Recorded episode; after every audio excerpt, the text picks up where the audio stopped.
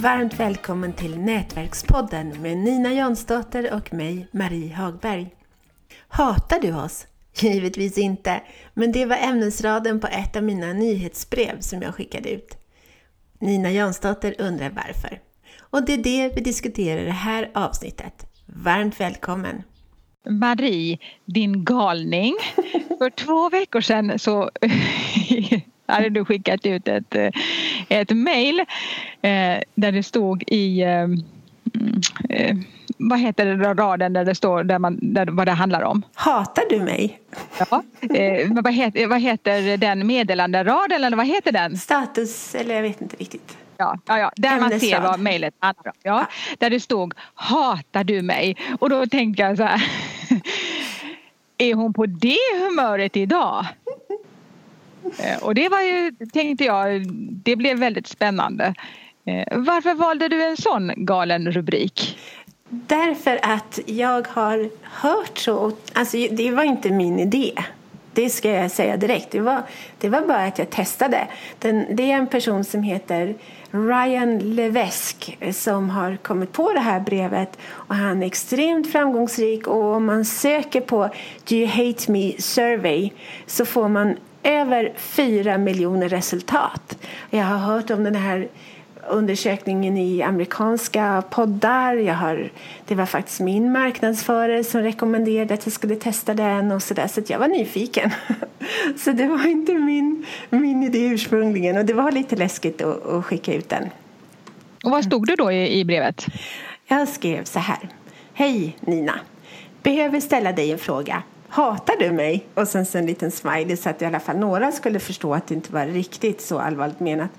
Ehm, jag frågar eftersom du har fått flera möjligheter att bli premiummedlem på Hjälp Journalist men av någon anledning avstått.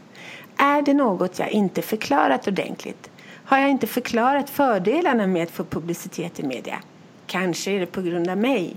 Något jag sagt, något jag inte sagt. Med andra ord, hatar du mig? Skulle bli så glad om du vill göra mig tjänsten och låta mig veta. Vad är den största anledningen till att du inte har blivit premiummedlem på Hjälp en journalist? Svara med vändande brev. Det skulle betyda otroligt mycket för mig. Vänligen Marie Hagberg. Och vad fick du för resultat? det var... var det många som sa att de hatar dig? Nej, det var inte så många. Och det var typ... Jag fick så mycket svar. Jag fick så mycket svar efteråt så jag spenderade åtminstone tre, fyra dagar med att bara svara på alla som hörde av sig. Mm. Så att, men de flesta var positiva. De flesta var intelligenta nog att förstå att jag verkligen inte trodde att de hatade mig. Så, att det var en reklamkupp kan man säga. Ja, och så, så var det två, två, eller kanske tre, jag tror två som var, ja, jag skulle beteckna dem som hatiska. Som liksom, men det triggar väl igång någonting hos dem som jag kanske tycker var lite vansinnigt. Um, och, men vad, vad, jag kan säga som är intressant i det här fallet det är att i vanliga fall så har jag ungefär 30 procent som öppnar mina brev och det är väldigt bra siffra. Men den här gången så fick jag 50 procent så många som öppnade. Alltså jag hade 45 procent öppningsgrad. Alltså det är helt enormt många. Och i vanliga fall så är det kanske en procent som klickar på mina länkar. Den här gången var det tre gånger så många som klickade. Och, men det var också många som hoppade av. I vanliga fall är det kanske 0,002 som hoppar av mitt nyhetsbrev. Den här gången var det tio gånger så många. Mer än tio gånger så många. 0,03 procent som hoppade av. Men det sa du till mig då att det var bra, att det var också en av anledningarna att, att du skickade ut brevet. Dels att du ville ha feedback och att du ville rensa din lista. Ja, jag vill ständigt rensa min lista för att det är inte bra att ha massa, massa personer. Dels att, dels att det, det är flera olika orsaker men dels att det kostar pengar. Det kostar ganska mycket pengar att ha en mailinglista och varför ska jag ha en massa ointressanta eller ointresserade personer på min mailinglista? Liksom om det bara kostar mig massa pengar. Det är jag inte intresserad av. Jag är inte gjord av pengar. Hur mycket kostar det? Kan du säga en prislapp så vi förstår? Ja, det kostar kanske 700 000 kronor per månad. Och det tycker jag är ganska mycket pengar. Men om jag, har, om jag tajtar till listan så kan jag kanske komma ner lite i pris. Och det vill jag gärna. För att 700 kronor i månaden eller 8 eller vad det 9 eller vad det nu är. Det blir ganska mycket på ett år. Eh, och i synnerhet i flera år så blir det vansinnigt mycket pengar. Och sen så också att, att eh, om man har, om det är många av ens e-mail som hamnar i spamkorgen hos mottagaren då så att säga smittar det av sig på andra mejl. Så att om, om det är tio stycken av mina mejl som hamnar i spamkorgen hos olika personer ja, då är risken betydligt högre att, att det hamnar i spamkorgen hos många, många fler. Och det vill jag ju också undvika. Jag vill ju inte betala mycket för en sån sak. Det förstår jag.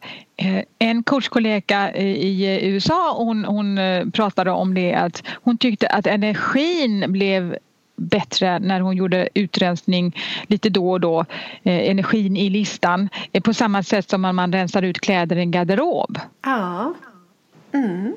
Jo, för att jag tycker att, ja men jag håller med att det, det, energin blir högre och bättre tack för att öppningsfrekvensen går upp om man, om man rensar bort ointresserade personer ibland. Så, så det ska jag göra igen. Jag ska inte skicka ut det här brevet igen. Det ska jag inte göra för jag tycker nog inte att jag fick så mm, bra svar som jag hade, förhopp hade hoppats på. Men, men att det fyllde ändå funktionen att många hoppade av och det var bra i sig. Så jag, ska, jag ska göra fler utrensningar. Men mm. på andra sätt. Vad säger du till dem som blir nyfikna på att testa just den här typen av brev? Vad kan, vad kan du ge dem för råd eller vill du avråda? jag kanske skulle råda till att skriva lite mjukare. Um, och formulera om så att det blev lite mjukare. Men um, ja, nej, alltså för mig så gav det inte så mycket ändå att skicka det här brevet utan jag fick inte så de svaren som jag hade önskat. Att, eh... Jag tänker att det också krävs en, en, krävs en viss typ av personlighet för att överhuvudtaget testa den typen av marknadsföringsåtgärder och att det krävs lite vana. Så det kanske inte, är du nystartad och inte så van vid att eh, att sticka ut, att eh, få kritik och annat så kanske inte det heller är någonting som man börjar med ett sånt grepp. Nej, Nej, nej, man måste vara van vid att bli lite hatad då och då. För att annars så skulle, alltså, speciellt de där som var riktigt hatiska. Men som sagt det var ju bara ett par stycken. Mm. Men de var inte roliga. Men det är inget jag ligger sömnlös över direkt. Jag tycker bara att det är märkligt att, att vissa kan bli så vansinnigt arga jag kan, jag kan inte förstå det. Så att, eh, nej, det är ingenting för känsliga personer att skicka ett sånt här brev och speciellt inte om man är nystartad. Och just det här med ironi eller när man när man har eh, liksom två syften med att göra och skriva saker. Det, ja, alla förstår inte liksom den smiley-effekten som du ville få, få till också samtidigt att det inte riktigt var liksom eh, bara eh, seriöst när du skickade ut det. Och det har jag också varit med till exempel i en, en spalt i Metro för, för många, många år sedan när jag skrev en lista på konsten att trappa upp en konflikt där det var så här helt uppenbara råd, eh, liksom, skulle, tänk tvärtom. Så här, jag drar alltid upp gamla surdegar, lyssna aldrig, du ska alltid prata mest. Och, alltså, det var verkligen sådana här som jag tyckte väldigt tydligt men det var ändå två, tre personer som kontaktade redaktionen och sa vad är detta för coach? Hur kan du tycka att detta här är bra tips?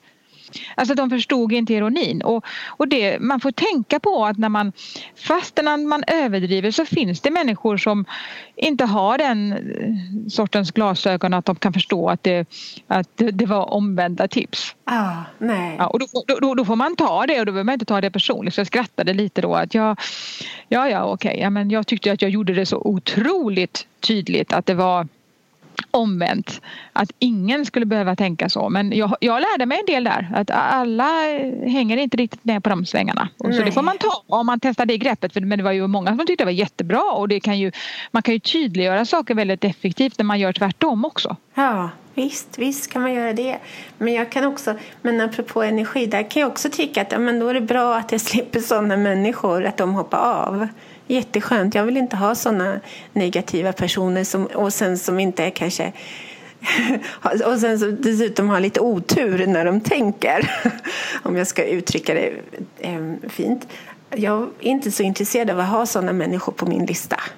Jag vill ha trevliga, som, glada. Ja, mm. eller som kunder heller. Om du Nej. tänker att lista, listan ska leda till att du ska konvertera personer som ska bli intresserade av dina tjänster och bli kunder och då den typen av kunder som inte står ut med ditt sätt eh, för att du, eh, det är ju bara du, ja ni två som i bolaget men, men det är ju ändå någonstans dig man ska ha kontakt med, din ja. energi. Och om man inte står ut med den så kanske inte det var rätt. Nej, nej absolut inte. Bättre med kvalitet än kvali kvantitet.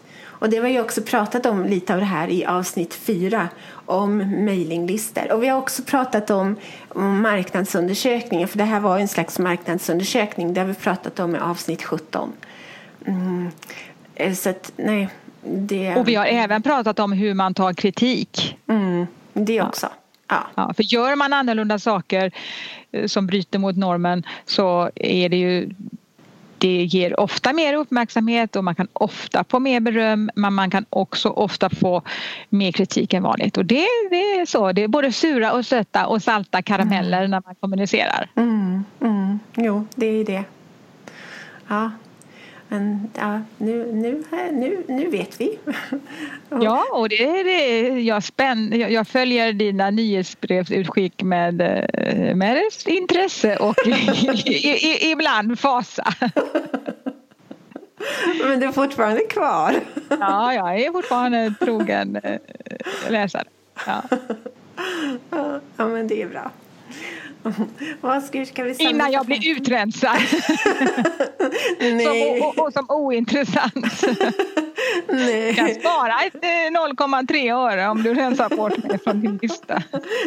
Nej, nej, jag kommer inte rensa bort någon. Jag rensar inte på så sätt utan att jag kommer skicka ut ett brev. Vill du vara kvar på den här listan?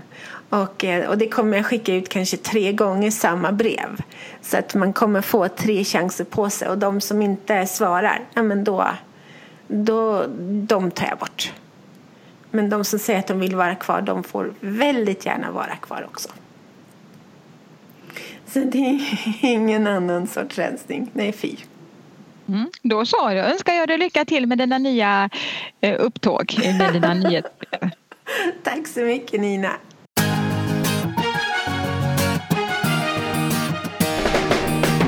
Tack för att du har lyssnat på Nätverkspodden om nätverkande, PR och marknadsföring med Nina Jansdotter och Marie Hagberg.